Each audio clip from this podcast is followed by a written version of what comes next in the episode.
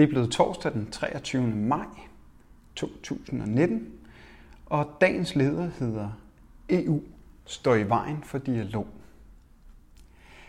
I fem år har Venezuelas befolkning lidt under USA's intensive angreb på landets økonomi og sociale forhold.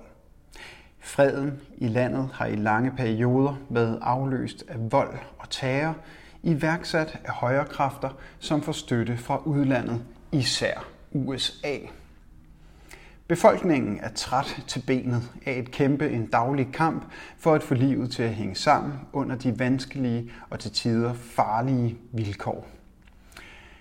Alene mad på bordet og medicin til syge er blevet et stort problem, især på grund af USA's sanktioner. Meningsmålinger viser, at 80% af venezuelanerne støtter dialog imellem regeringen, som ledes af præsident Maduro, og oppositionen, hvis ekstreme dele ledes af den selvudnævnte præsident Juan Guaido.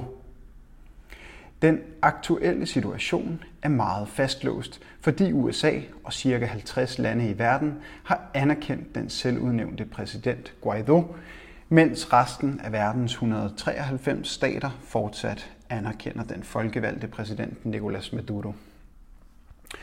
EU og et stort flertal af EU-landene er blandt de, der har anerkendt den selvudnævnte præsident.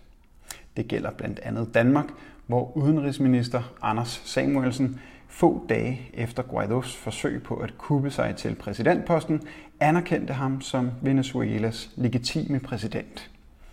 Også EU's udenrigschef Federica Mogherini erklærede en uges tid efter kupforsøget sin fulde støtte til Guaido. Det var derfor naturligvis en umulig opgave for Mogherini at optræde som maler, da EU i februar forsøgte at stille sig i spidsen for en kontaktgruppe, der skulle fremme en forhandlet løsning på konflikten. Det er svært at se EU som maler, når nogle af dets medlemslande er partiske, sagde Venezuelas udenrigsminister Jorge Areza dengang. Der kom der heller ikke noget ud af kontaktgruppens arbejde, og siden er der ikke kommet produktive udspil fra EU's side.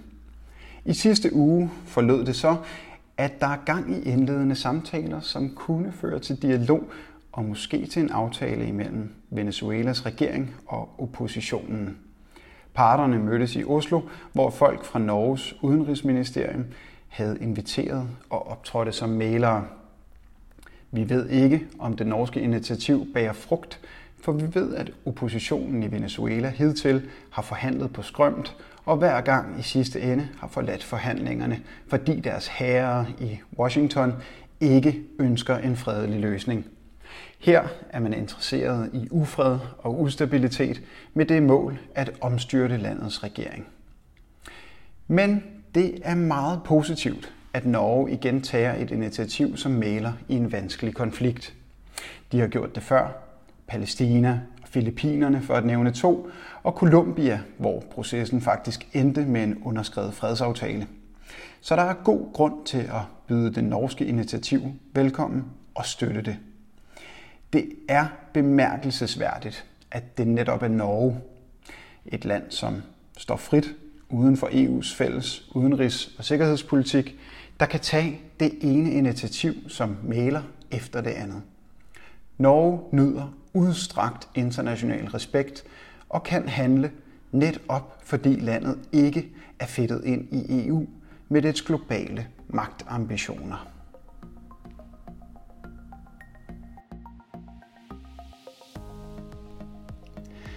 Du har lyttet til dagens leder fra Arbejderen.